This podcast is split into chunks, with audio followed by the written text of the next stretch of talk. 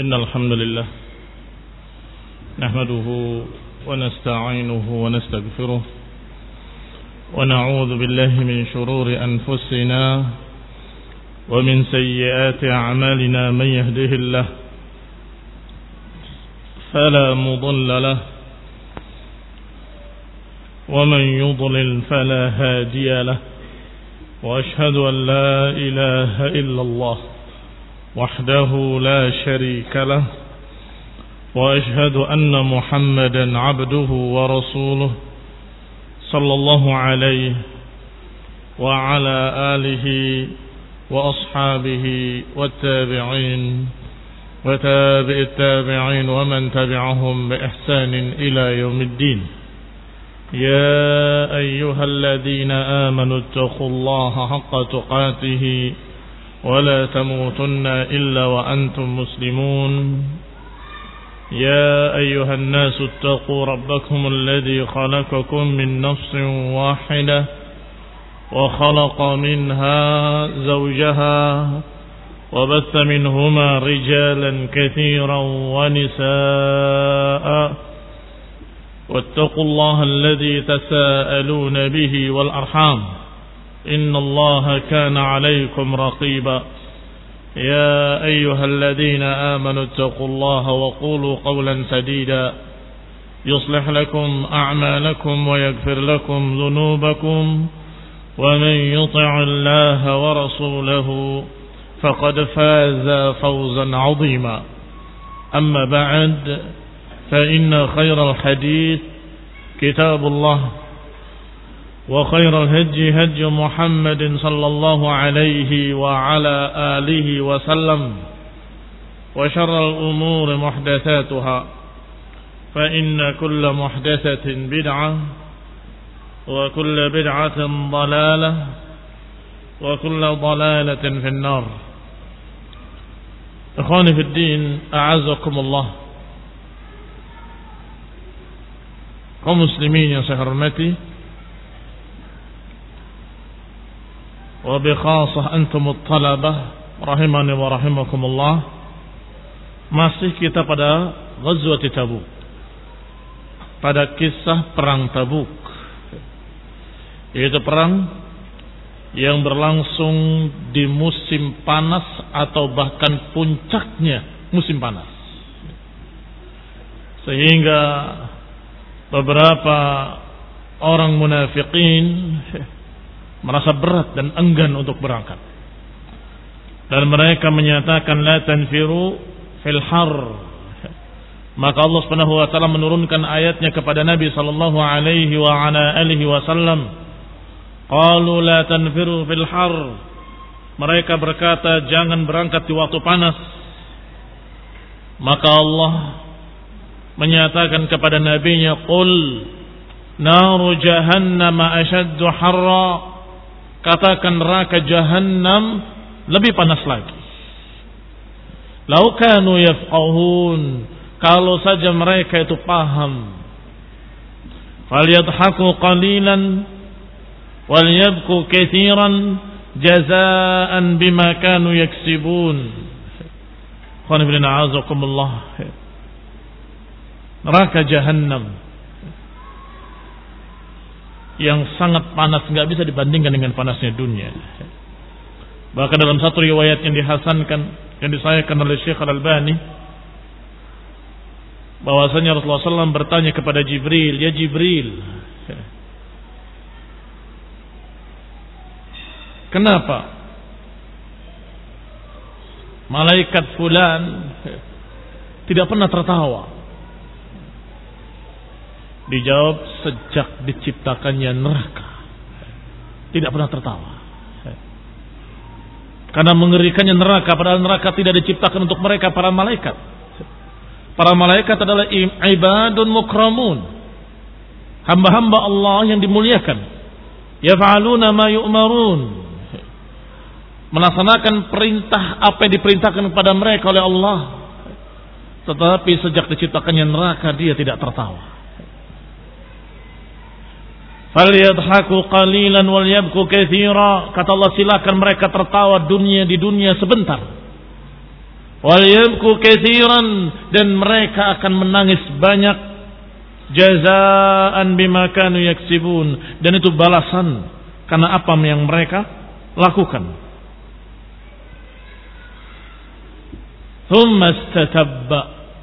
Setelah beberapa orang beralasan ini dan itu Rasulullah melanjutkan perintahnya dan melangsungkan rencananya itu makna istatabba.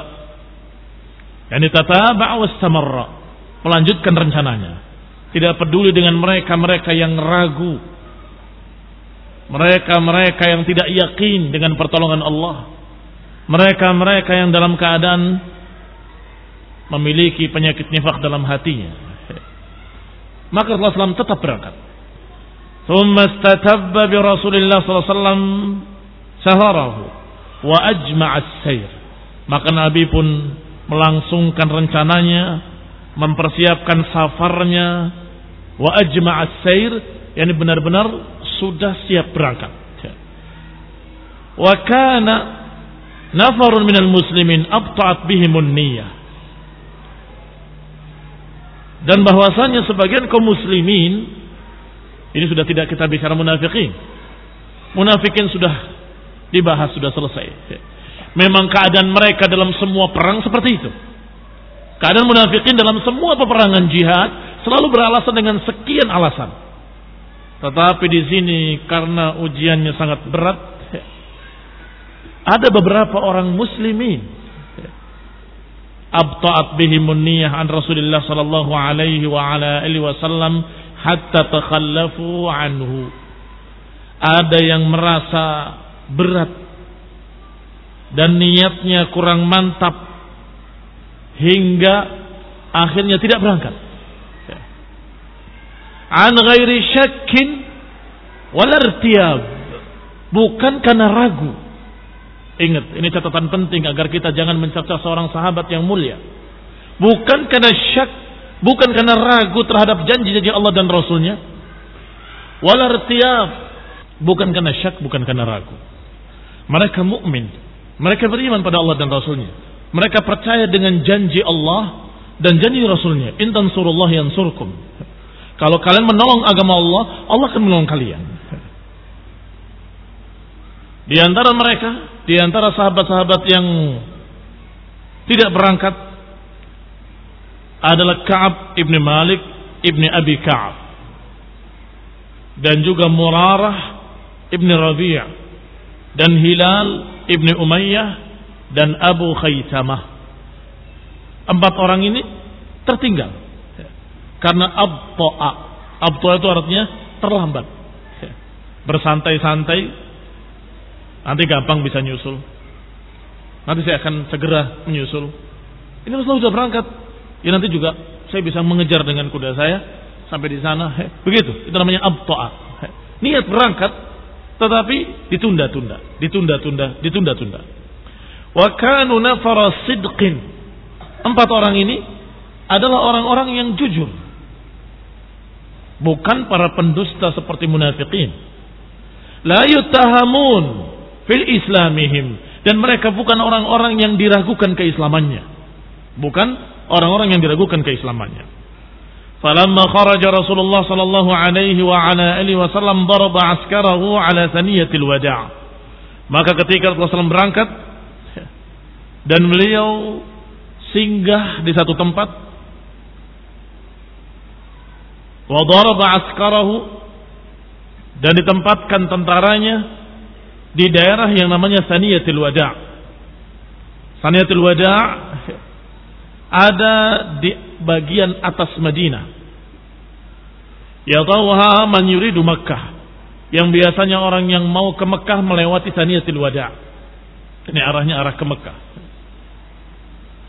Wa daraba Abdullah ibn Ubay ma'ahu ala hidatin askarahu as Sedangkan Abdullah ibn Ubay ibn Salul siapa itu? Hah?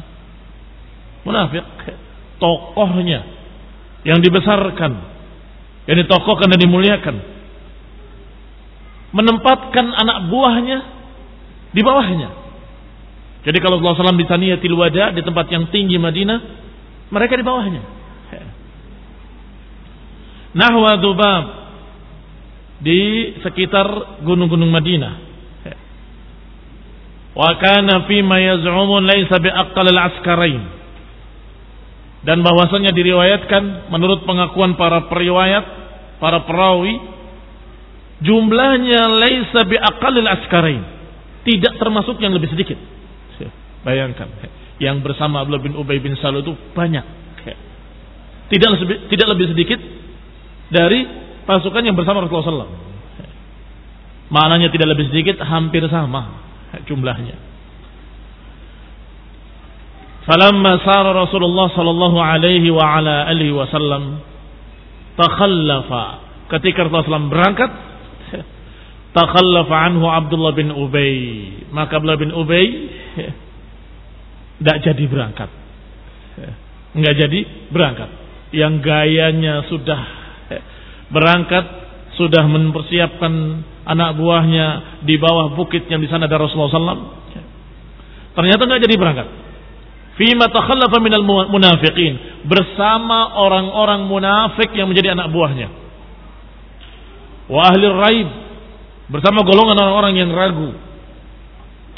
Wa khallafa Rasulullah sallallahu alaihi wa ala alihi wasallam Ali ibn Abi Talib. Sedangkan Rasulullah sallallahu menempatkan Ali bin Abi Thalib sebagai wakilnya di Madinah. Lihat takhallafa artinya tidak mau berangkat. Sedangkan khallafa artinya Rasulullah SAW menempatkan Ali di Madinah untuk tidak berangkat. Sengaja ditugaskan untuk menggantikan Rasulullah SAW di sana. Ala ahlihi untuk menjaga keluarganya, sanak familinya, keluarga Rasulullah SAW dan kaum muslimin wa amarahu bil iqamati fihim. Maka Nabi memerintahkan kepada Ali bin Abi Thalib untuk tetap di Madinah. Fa arjafal munafiqun. Maka para munafiqun mulai arjafa. Irjaf maknanya adalah membicarakan dengan ucapan-ucapan dusta. Membikin kisah-kisah dusta atau membikin ucapan-ucapan dusta. Apa kata mereka Qalu mereka berkata, "Ma khallafahu illa istithqalan wa takhaffufan minhu." Tidaklah Ali ditinggal kecuali karena memang dia lemah, tidak mau berangkat. Maka Allah SAW beri keringanan buat Ali. Karena berat untuk berangkat karena dia begini, dia lemah, dia begitu dan seterusnya. Ini fitnah-fitnah yang disebarkan oleh para munafikin. Maka Ali pun bangkit semangatnya dengan ucapan-ucapan mereka. Siapa bilang? Aku tidak semangat berangkat. Siapa bilang kalau aku berat? Siapa bilang kalau aku begini dan begitu? Aku akan berangkat. Falamma qala dzalika munafiqun maka munafiqun ketika berkata seperti itu akhadha Ali ibn Abi Thalib radhiyallahu alaihi silahahu maka Ali pun mengambil senjatanya, mengambil perlengkapannya untuk perang, kemudian berangkat menemui Rasulullah SAW, menyusul. Wahuwa nazilun bil juraf. Sedangkan Nabi sudah singgah di daerah Juraf. Daerah kurang lebih tiga mil dari Madinah. Mengarah ke arah Syam. Wabihi kanat amwal Umar bin Khattab oleh ahli Madinah. Dan di sanalah tempat harta kebun-kebun milik Umar bin Khattab dan milik orang-orang Madinah. Tiba-tiba datang Ali menyusul Rasulullah SAW dan berkata ya Nabi Allah za'amal munafiqun annaka innama khalaftani annaka istasqaltani wa taqaftatta minni. Ya Rasulullah para munafikin berkata bahwa engkau meninggalkan aku di Madinah karena engkau begini dan begitu. Karena engkau menganggap berat atau menganggap aku ini berat untuk berangkat atau ingin meringankan aku karena aku begini dengan aku begitu. Maka Nabi bersabda, "Kadzabu." Mereka berdusta. "Kadzabu, walakinnani khallaftuka lima taraktu warai." Dusta mereka. Aku tinggalkan kau di Madinah karena aku meninggalkan di belakangku keluargaku. Aku meninggalkan di belakangku sanak familiku farji fakhlufni fi ahli wa ahlik. Maka kembalilah engkau ke Madinah. Jagalah keluargaku dan keluargamu. Jagalah mereka. Awala tarda ya Ali an takuna minni bimanzilati Harun min Musa? Apakah engkau wahai Ali tidak ridho kalau engkau berkedudukan seperti Harun kepada Musa? Walakin illa annahu la nabiyya ba'di. Hanya saja tidak ada nabi setelahku. Qanibina dibesarkan hati Ali bin Abi Thalib bahwasanya ditinggalkannya beliau di sana bukan untuk merendahkannya, bukan meremehkannya, bukan mengecilkan Ali bin Abi Thalib. Bahkan dalam riwayat ya Rasulullah, apakah kau tinggalkan aku bersama para wanita dan anak-anak dan orang-orang lemah? Ya Rasulullah, apakah engkau meninggalkan aku bersama orang-orang lemah, anak-anak dan perempuan? Maka Rasulullah SAW menghiburnya dan berkata, "Afala tarda an takuna bimanzilati Harun min Musa?" Apakah engkau tidak ridha kalau kedudukanmu seperti kedudukannya Harun kepada Musa? Apa maknanya? Maknanya ketika Musa alaihi salam dipanggil oleh Allah Subhanahu wa taala ke bukit Tur untuk memenuhi janji atau memenuhi janji untuk berbicara atau untuk mengambil dari Allah Subhanahu wa taala perjanjian. Siapa yang ditinggalkan untuk menjaga kaumnya? Harun. Engkau wahai Harun jaga mereka. Aku akan berangkat ke Bukit Tursin. Maka aku pun ketika berangkat ke Tabuk ini Aku menjadikan engkau di Madinah. Maka kedudukanmu seperti kedudukan Harun pada Musa. Illa annahu la nabiyya ba'di. Tetapi ini bukan menunjukkan bahwa engkau nabi. Tidak ada nabi setelahku. Ini permisalan hanya dalam satu sisi saja. Yaitu ketika Musa mewakilkan Harun untuk menjaga kaumnya. Sebagaimana Nabi mewakilkan Ali bin Abi Thalib untuk menjaga kaumnya. Titik. Tidak perlu kemudian dibahas akhirnya kesimpulannya berarti Ali bin Abi Thalib yang berhak untuk menjadi khalifah karena wakil Rasulullah SAW. Ini Syiah yang selalu melebih-lebihkan. Permisalan-permisalan dengan para anbiya itu sering Rasulullah SAW lakukan kepada sekian sahabat. Sebagaimana pernah dikatakan kepada Umar bin Khattab, engkau sungguh seperti Nuh alaihi salam yang menyatakan la tar la tadar alal ardi minal kafirin dan dayyara, jangan tinggalkan orang kafir di muka bumi satupun. Disamakan juga dengan Nabi. Atau seperti Abu Bakar yang dikatakan engkau seperti Isa yang mengatakan pada Allah, "In tu'adzib fa innahum ibaduk." Kalau engkau adab mereka itu hamba-hambamu, tapi kalau engkau maafkan mereka, sungguhnya engkau ghafurur rahim. Karena kalau dipermisalkan para sahabat dengan Nabi. Engkau seperti Nabi ini, engkau seperti Nabi itu. Bukan maknanya berarti dia berhak untuk menjadi khalifah setelah Nabi. Itu adalah perkara lain. Sedangkan khilafah perkara lain. Perkara yang sudah diisyaratkan oleh Rasulullah SAW dengan sekian banyak isyarat. Yang sangat banyak. Bahkan sampai disebutkan namanya dalam hadis yang sahih dan menyatakan ma'adallah aku berlindung kepada Allah. Nggak mungkin manusia berselisih terhadap Abu Bakar. Disebutkan namanya. Ketika akan memberikan wasiat tidak jadi. Dan berkata ma'adallah aku berlindung kepada Allah. Nggak mungkin mereka manusia akan berselisih terhadap Abu Bakar. Maknanya pasti mereka sepakat tentang Abu Bakar. Sehingga nggak ada alasan sama sekali bagi para syiah atau mutasyayyi'in untuk mengambil riwayat ini bahwa Ali bin Abi Thalib berarti wakil Rasulullah SAW yang berhak untuk menjadi khalifah. Ini sama sekali tidak bisa diterima karena Rasulullah SAW mempermisalkan dengan Nabi itu bukan hanya pada Ali, pada Ali dan pada sekian banyak sahabat. Adapun masalah khilafah, masalah yang sudah diisyaratkan Rasulullah SAW dengan sangat jelas dengan kalimat-kalimat yang sangat gamblang. Walhamdulillah Rabbil Alamin. Faraja Aliun ilal Madinah. Maka ketika Ali dipuji oleh Rasulullah SAW dengan kalimat engkau kedudukannya seperti kedudukan Musa pada Harun, Tetapi tidak ada nabi setelahku, maka Ali pun pulang dan tidak terpengaruh dengan ucapan para munafikin. Wa madha Rasulullah sallallahu alaihi wa ala alihi wasallam ala safarih. Maka Rasulullah pun melanjutkan perjalanannya ke Tabuk.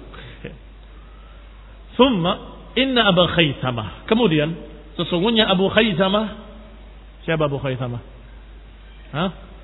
Salah satu dari empat tadi. Empat sahabat yang mulia, yang bukan munafik, tetapi tertinggal.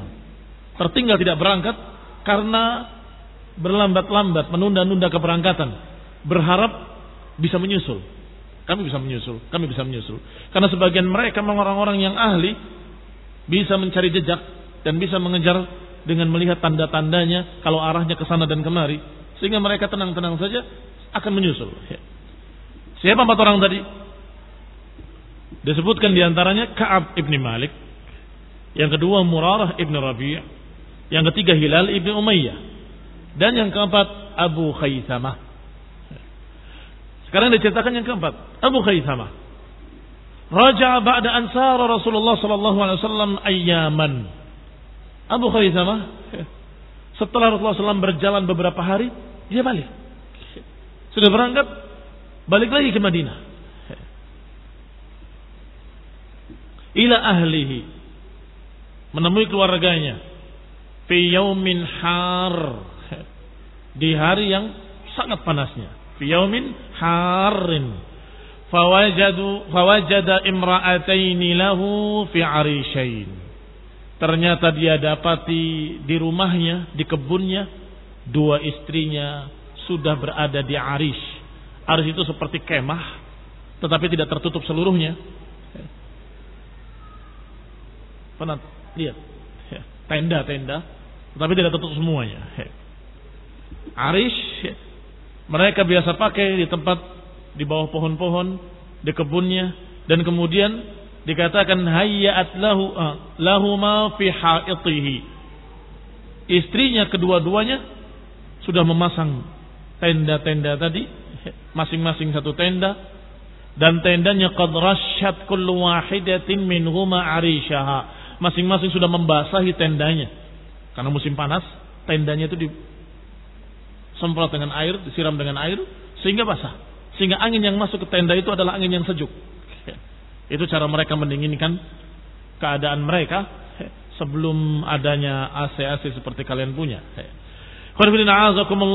wa barradat lahu fihima dan sudah didinginkan semuanya dengan air, sudah disiram, tanahnya juga sudah disiram, tendanya juga dibasahi.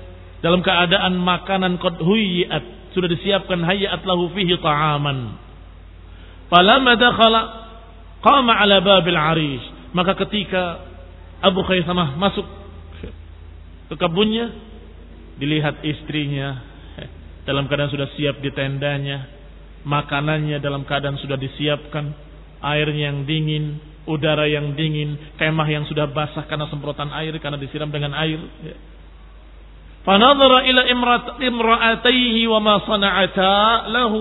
Maka dia melihat kepada kedua istrinya tadi. Masing-masing bersaing untuk menyambut suaminya dengan tenda yang basah, dengan tempat yang sejuk, basah dengan air, dengan makanan-makanan. Dia memandang kedua-duanya, kemudian berkata, Rasulullah sallallahu alaihi wa ala wasallam Rasulullah sallam di tengah panas matahari warih wal har. Rasulullah SAW di tengah terik panas matahari beliau dalam keadaan panas beliau dalam keadaan ditiup dengan angin semu wa Abu Khaisamah fi dhillin barid sedangkan Abu Khaisamah harus duduk di tempat yang terlindung dengan baik dengan dingin sejuk di bawah naungan dengan makanan yang dipersiapkan dengan wanita-wanita cantik.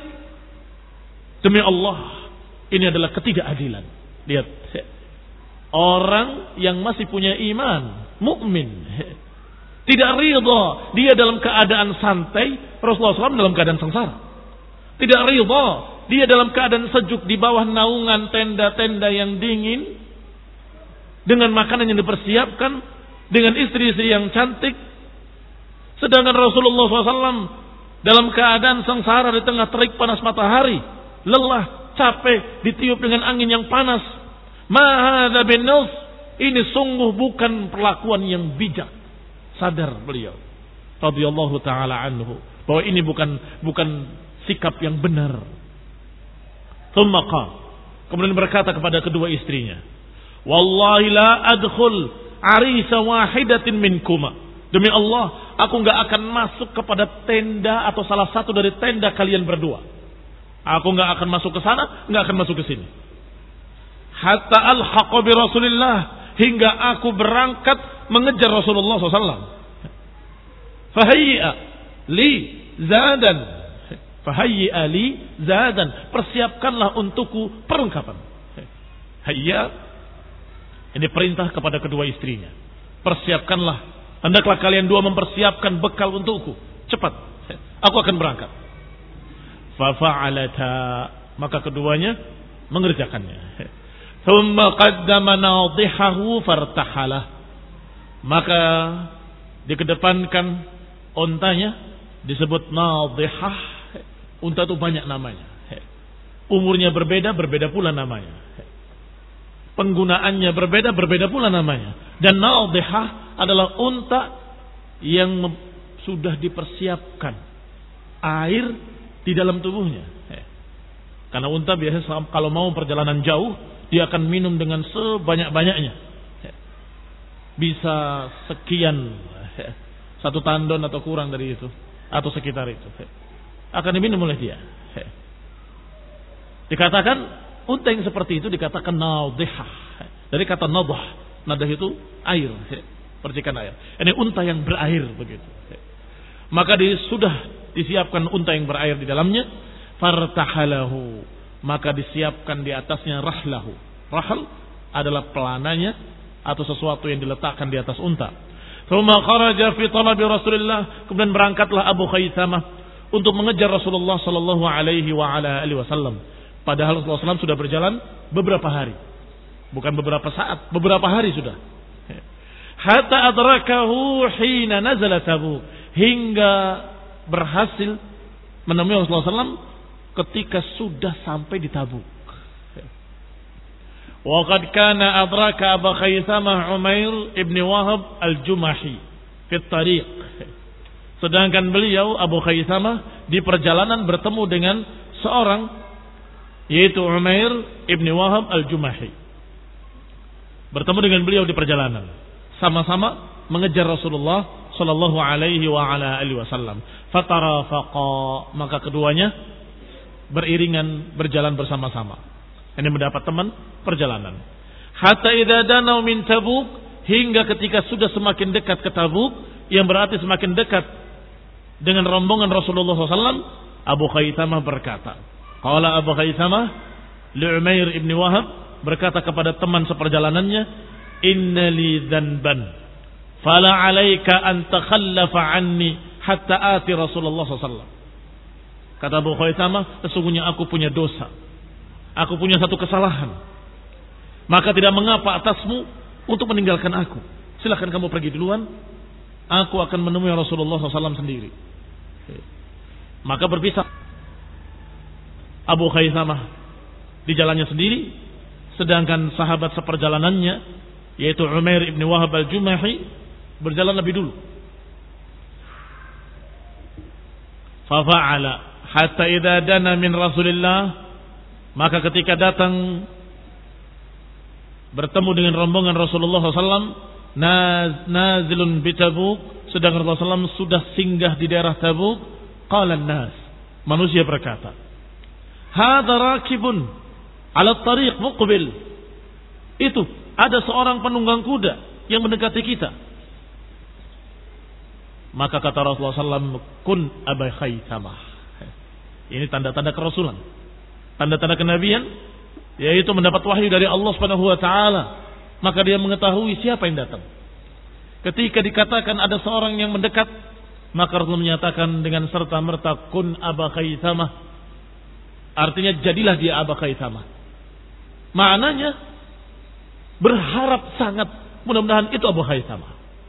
Mudah-mudahan itu Abu Khaythamah. Faqala ya Rasulullah, huwa wallahi Abu Khaythamah. Ya Rasulullah benar, dia benar-benar Abu Khaythamah. Falamma anakha aqbala fasallam. Ketika untanya sudah didudukkan, dia turun anakha itu duduknya unta, mendekam, menderu. Maka turunlah Abu Khaythamah memberi salam kepada Nabi sallallahu alaihi wa ala alihi wasallam. Maka Rasulullah SAW bersabda kepadanya, "Aula laka ya Abu Khaythamah." Kalimat aula ini bukan maknanya utama, tapi maknanya isim fi'il. Isim fi'il yaitu engkau hampir binasa. Engkau hampir binasa wahai Abu Khaisamah. Thumma akhbara Rasulullah, thumma akhbara Rasulullah sallallahu alaihi wa ala alihi wasallam al-khabar. Maka Abu Khaisamah mengkhabarkan kabarnya. Kejadiannya begini dan begitu. Aku minta ampun pada Allah Subhanahu wa taala. Ya Rasulullah mintakan ampun kepada Allah untukku. Maka Rasulullah SAW pun mendoakan dengan kebaikan, berkata dengan kebaikan, wa da'alahu bi khair dan mendoakannya dengan kebaikan. Berarti berapa sisanya? Yang takhallafa? Tiga. Siapa mereka? Ka'ab bin Malik, Murarah, dan Hilal ibni Umayyah. Barakallahu fikum. Waqad kana Rasulullah sallallahu alaihi wa ala alihi wasallam marra bil hijri. Maka Rasulullah pun melewati Hijr. Hijr nama daerah. Satu desa di jauh di pinggir-pinggir Madinah sana. Di sana ada uyun wa abar li Bani Sulaim khassah. Di sana ada sumur-sumur ada mata air mata air milik Bani Sulaim secara khusus. ada sumur-sumur dan mata air tapi milik Bani Sulaim secara khusus. Nazalaha wastaqan nas min bi'riha. Maka Rasulullah pun singgah di sana dan manusia mulai ya, otomatis mendekati air. Falamma rahu ketika mereka mendekati air, Rasulullah SAW bersabda, La tashrabu min ma'iha syai'a. Jangan kalian minum dari air itu sedikit pun. Wala tatawadda'u minhu lissalah. Dan jangan kalian berwudu dari air itu untuk salat. Wa makana min ajinin ajantumuhu fa'lifuhu al-ibil. Dan semua terigu-terigu yang sudah kalian campur dengan air tersebut berikan untuk makanan unta. Roti yang dihasilkan dari ajin, dari campuran e, terigu dengan air tersebut, berikan untuk unta. La ta'kulu minhu syai'a. Jangan kalian makan sedikit pun. Lihat perintah Nabi sallallahu alaihi wa ala alihi wasallam. Beliau mendapatkan wahyu dari Allah Subhanahu wa taala. Jangan minum airnya, jangan berwudu daripadanya dan jangan kalian makan roti yang dibikin dari campuran terigu dengan air tersebut. Kalau sudah kadung dibikin berikan untuk unta-unta dan jangan kalian makan sedikit pun. Perintah kedua, la yakhrujanna ahadun minkumul laila illa wa ma'ahu sahib. Jangan keluar sekali-kali jangan jangan keluar sekalipun kalian seorang kecuali harus ditemani oleh sahabatnya. La yakhrujanna ahadun minkum. Jangan sekali-kali kalian keluar sendirian kecuali harus ditemani oleh temannya pada malam ini. Wa ma fa'ala nas ma amarahum bihi Rasulullah SAW. Maka manusia pun mentaati perintah Rasulullah sallallahu alaihi wa ala alihi wasallam. Illa anna rajulaini min bani Sa'idah kharaja ahaduhuma lihajati. Hanya saja dua orang dari suku Bani Sa'idah keluar sendiri-sendiri. Ya, dua orang keluar sendiri tanpa ditemani sahabatnya. Yang ini ke sana, yang ini ke sini. Berarti melanggar perintah Rasulullah SAW. Kharajal akhar fi talabi ba'irin lahu. Yang satu keluar untuk hajatnya, ini untuk buang hajat tanpa ditemani. Yang satu lagi keluar untuk mencari untanya yang katanya lepas. Fa'amal ladzi dhahaba li hajatih adapun yang keluar untuk hajatnya ternyata tiba-tiba dia khuniqa ala madhhabihi. Dia dicekik di tempat di mana dia buang hajat. Ditemui dalam keadaan sudah tercekik. Wa amal ladzi dhahaba fi talab ba'irihi adapun yang berjalan mencari untanya fahtamalat hurri terhempas oleh angin dan terlempar dia dari gunung ke daerah Tai. Tarahathu bi jabal Tai. Fa ukhbira bidzalika Rasulullah sallallahu alaihi wa ala alihi wasallam. Maka sampailah beritanya kepada Rasulullah SAW. Maka Nabi pun bersabda, Alam anhakum an yakhruja minkum ahadun illa wa ma'ahu sahibuh. Bukankah aku sudah bilang Jangan keluar salah seorang kalian sendirian kecuali harus ditemani temannya. Thumma da'a Rasulullah sallallahu alaihi wasallam alladhi usiba ala madhhabihi fasyufiya. Adapun seorang yang tadi tercekik di daerah di tempat dia buang hajat, maka Rasulullah SAW mendoakannya. Ternyata tidak sampai mati, didoakan Rasulullah SAW fasyufiya maka dia sembuh wa ammal akhar adapun yang lain alladhi waqa waqa bi tai yang jatuh ke gunung tai atau dari gunung tai fa inna tai'an ahdathu maka suku Bani Tai memberikannya sebagai hadiah kepada Rasulullah sallallahu alaihi wasallam setelah pulang ke Madinah. Hilang sampai ketika pulang ke Madinah baru suku Tai menyerahkan ini anak buahmu. Nah, falamma asbahan nas wala ma'a ma'ahum. Maka pagi harinya manusia dalam keadaan tidak memiliki air sedikit pun. Karena tidak boleh minum dari air tersebut. Tidak boleh membuat kue dari air tersebut.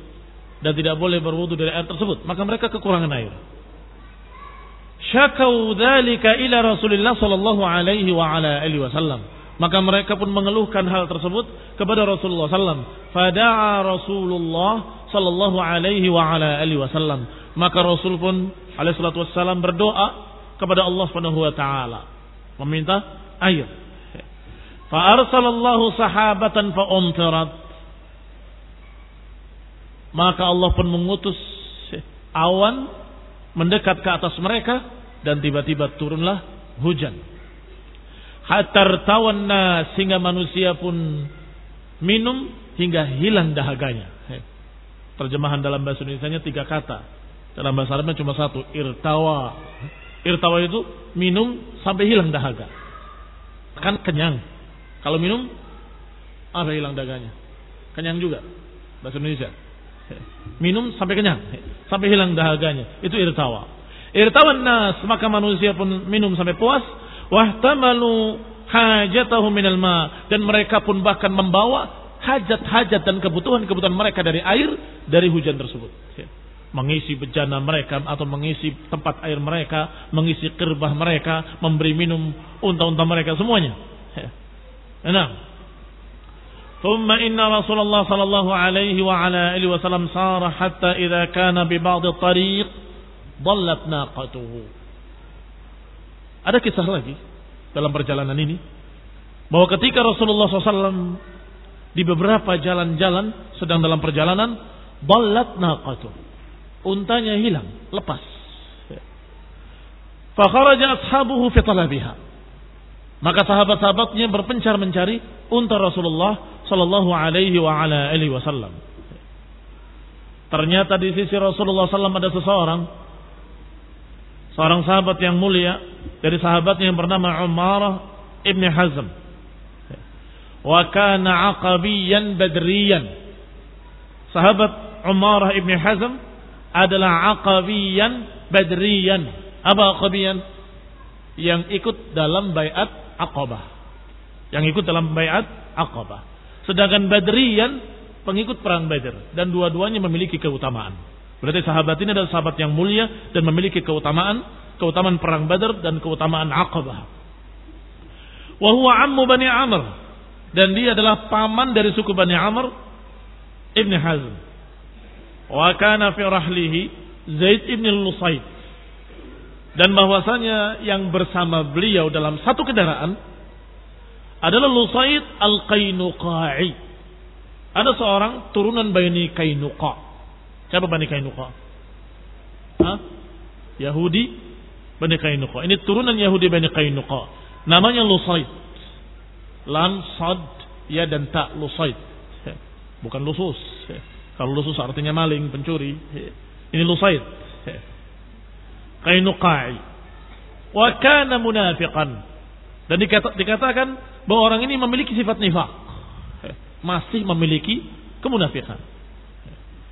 Dan berjalan bersama dengan sahabat yang mulia tadi, Aqabiyan Badriyan, yaitu Umarah Ibn Hazm. Sudah kita katakan bahwa jumlah kendaraan ketika berangkat sangat kurang. Sehingga satu unta kadang-kadang dua orang. Ada satu unta bertiga. Kadang-kadang yang ini yang naik, yang ini yang nuntun. Kadang-kadang bertukar, kadang-kadang naik berdua. Nah, kebetulan Umar ibni Hazm berdua dengan Lusaid al-Qainuqa'i ini.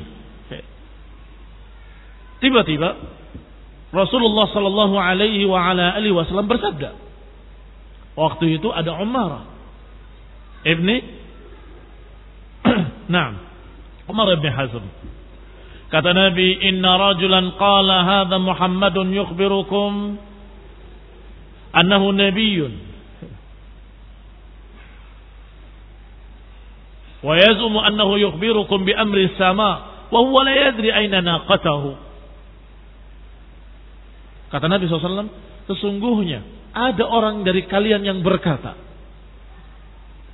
katanya Nabi diutus oleh Allah menghabarkan kepada kalian berita-berita langit, berita-berita dari langit. Padahal untanya hilang dia nggak tahu di mana untanya. Lihat kalimat yang kurang ajar. Katanya Nabi diutus oleh Allah tahu berita-berita langit. Berita-berita langit tahu masa untanya hilang nggak tahu di mana. Kata Nabi ada orang yang berkata seperti itu. Sungguh aku kata Nabi, wallahi ma'alam illa ma'allamanillah Sungguh aku tidak tahu kecuali kalau Allah memberitahu aku. Wa 'alaiha dan sekarang aku sudah diberitahu oleh Allah Subhanahu wa taala di mana untaku. Wa hiya fi hadzal wadi bahwasanya untaku ada di lembah ini, di daerah di sebelah ini. Wa qad habasatha syajaratun bizimamiha dan dia tersangkut tali kekangnya dengan pepohonan di sana. Ambil. Fantaliqu. Berangkatlah kalian. Hatta ta'tuni biha. Ambil unta itu dari sana. Ucapan Rasulullah SAW didengar oleh siapa? Oleh Umarah Ibni Hazm. Maka beliau segera berangkat mencari unta tadi di tempat yang diisyaratkan oleh Rasulullah SAW dan persis didapati unta tersebut dalam keadaan tersangkut talinya dengan eh, pohon-pohon semak-semak, nggak bisa berjalan. Ya. Maka dia kembali dan menyatakan dengan keimanan saudara Rasulullah, benar engkau wahai Rasulullah. Dalam keadaan jengkel siapa yang bicara bahwasanya Rasulullah SAW tahu berita langit kok nggak tahu untanya di mana? Katanya mengaku nabi, mengaku tahu berita-berita langit. Kok nggak tahu untanya di mana? Ini ucapan siapa? Tanya ke sana, tanya kemari. Apa kalian dengar ada orang yang berkata seperti itu? Dijawab oleh mereka, yang ngomong seperti itu aku dengar sendiri adalah temanmu yang bersama dengan untamu. Siapa? Yahudi tadi yang memiliki sifat nifak tadi yaitu yang dikatakan munafikan yaitu Lusaid al-Qainuqai maka langsung dia mendatangi Lusaid Al-Qainuqa'i. Dan kemudian menemuinya. Wahiyya fiha dikatakan Faraja Umarah ibn Hazm ila rahlih. Maka Umarah kembali ke kendaraannya, ke untanya. faqal faqala wallahi la ajabun min syai'in haddatsana Rasulullah sallallahu anifan sungguh aku heran dengan apa yang dikatakan oleh Rasulullah tadi ada orang yang bilang begini dan bilang begitu tentang ucapan tadi akhbarahu Allah anhu bikada wa kada. Faqala rajulun mimman kana fi rahli Umarah wa lam yahdur Rasulullah sallallahu alaihi wasallam. Zaidun wallahi qala hadha al-maqalah qabla an ta'tini qabla an ta'tini. Khana fillah azakumullah dikhabarkan bahwa ternyata yang berbicara seperti itu adalah teman seperjalanannya dalam satu unta. Maka marahlah beliau. Marahlah Umar Ibn Hazm. Fa'aqbala Ammar ala Zaid juja fi unuqih. Dia datang Zaid bin Lusaid diletakkan pisaunya pedangnya di lehernya sambil berkata ilayya ibadallah inna fi rahli ladahiyatan wa ma ash'ar ketahuilah wahai hamba-hamba Allah ternyata di kendaraanku ada orang yang jelek seperti ini Aku tidak tahu kalau orang ini orang yang jelek. Ukhruj ayyadu wallah. Keluarlah wahai musuh Allah dari tempatku. Keluarlah engkau dari kendaraanku. Fala tusahibni. Jangan engkau bersamaku lagi. Diusir oleh Umar ibn Hazm. Seorang yang mengucapkan dengan ucapan kufur. Ucapan, ucapan kufur. Demikian keadaan seorang sahabat yang mulia ketika mendengar ada seorang yang merendahkan Rasulullah SAW. Apalagi dengan kalimat-kalimat yang meremehkan, kalimat-kalimat yang mengesankan kalau dia nggak percaya kalau Rasulullah SAW itu betul-betul Rasul. Katanya ngaku Rasul, katanya mendapatkan wahyu dari langit. Kok untanya hilang nggak tahu di mana? Ini ucapan sungguh mengandung kekufuran, mengandung keraguan kalau Rasulullah SAW benar-benar Rasul. Maka Rasulullah SAW pun diberitahu oleh Allah. Aku mendengar orang yang berkata begini dan begitu. Dan sekarang aku diberitahu oleh Allah. Aku tidak tahu kalau tidak diberitahu oleh Allah. Ini Rasulullah SAW benar-benar menerangkan apa adanya. Kalau beliau Rasulullah, utusan Allah, diberitahu oleh Allah, ya tahu. Kalau nggak diberitahu oleh Allah, ya tidak tahu. Seperti manusia biasa, hanya saja mendapatkan wahyu. Ana basyarun mislukum yuha ilayya. Aku manusia seperti kalian, hanya saja aku mendapatkan wahyu. Maka kalau diberi wahyu oleh Allah diberitahu, aku tahu. Dan setelah memberitahu aku tempatnya. Yaitu di lembah ini, di lembah itu, di daerah sini, di daerah situ. Diterangkan oleh Rasulullah detail dalam keadaan tersangkut di sana tali kekangnya di pohon-pohon sehingga dia tidak bisa berjalan. Ambil kata Nabi ketika datangi tempat tersebut persis seperti yang diberitakan oleh Rasulullah sallallahu alaihi wa ala alihi wasallam. Sadaqa Rasulullah sallallahu alaihi wa ala alihi wasallam. Faza'ama ba'dun nas anna Zaidan taba ba'da dhalik. Sebagian manusia menganggap kalimat za'ama biasanya dalam keadaan masih lebih banyak kemungkinan salahnya daripada benarnya. Itu sama. Menganggap atau mengaku-ngaku dengan dengan salah begitu. Fazama ba'dun nas manusia atau sebagian manusia menganggap bahwa Zain bertobat setelah itu. Wa qala ba'dun nas lam yazal mutahaman bi syarrin hatta halaka. Tapi sebagian manusia yang lain menyatakan bahwa dia masih tertuduh munafik sampai binasanya dia. Wallahu taala a'lam. Insyaallah kita akan lanjutkan pada darsil qadim tentang kisah tiga orang sahabat yang tidak ikut berangkat dan kemudian bagaimana taubatnya dan bagaimana apa kata Allah Subhanahu wa taala tentang mereka yang ternyata Allah Subhanahu wa taala menerima taubat mereka dan Allah katakan wa 'ala thalathatil ladzina khulifu wa ala salasatil ladina khulifu dan Allah memberikan taubat pula pada tiga orang sahabat yang tidak ikut perangkat. Insyaallah ila dasar qadim. Barakallahu fiikum. Wa jazakumullahu khaira. Subhanakallah bihamdika la ilaha illa anta astaghfiruka wa atubu ilaik. Assalamualaikum warahmatullahi wabarakatuh.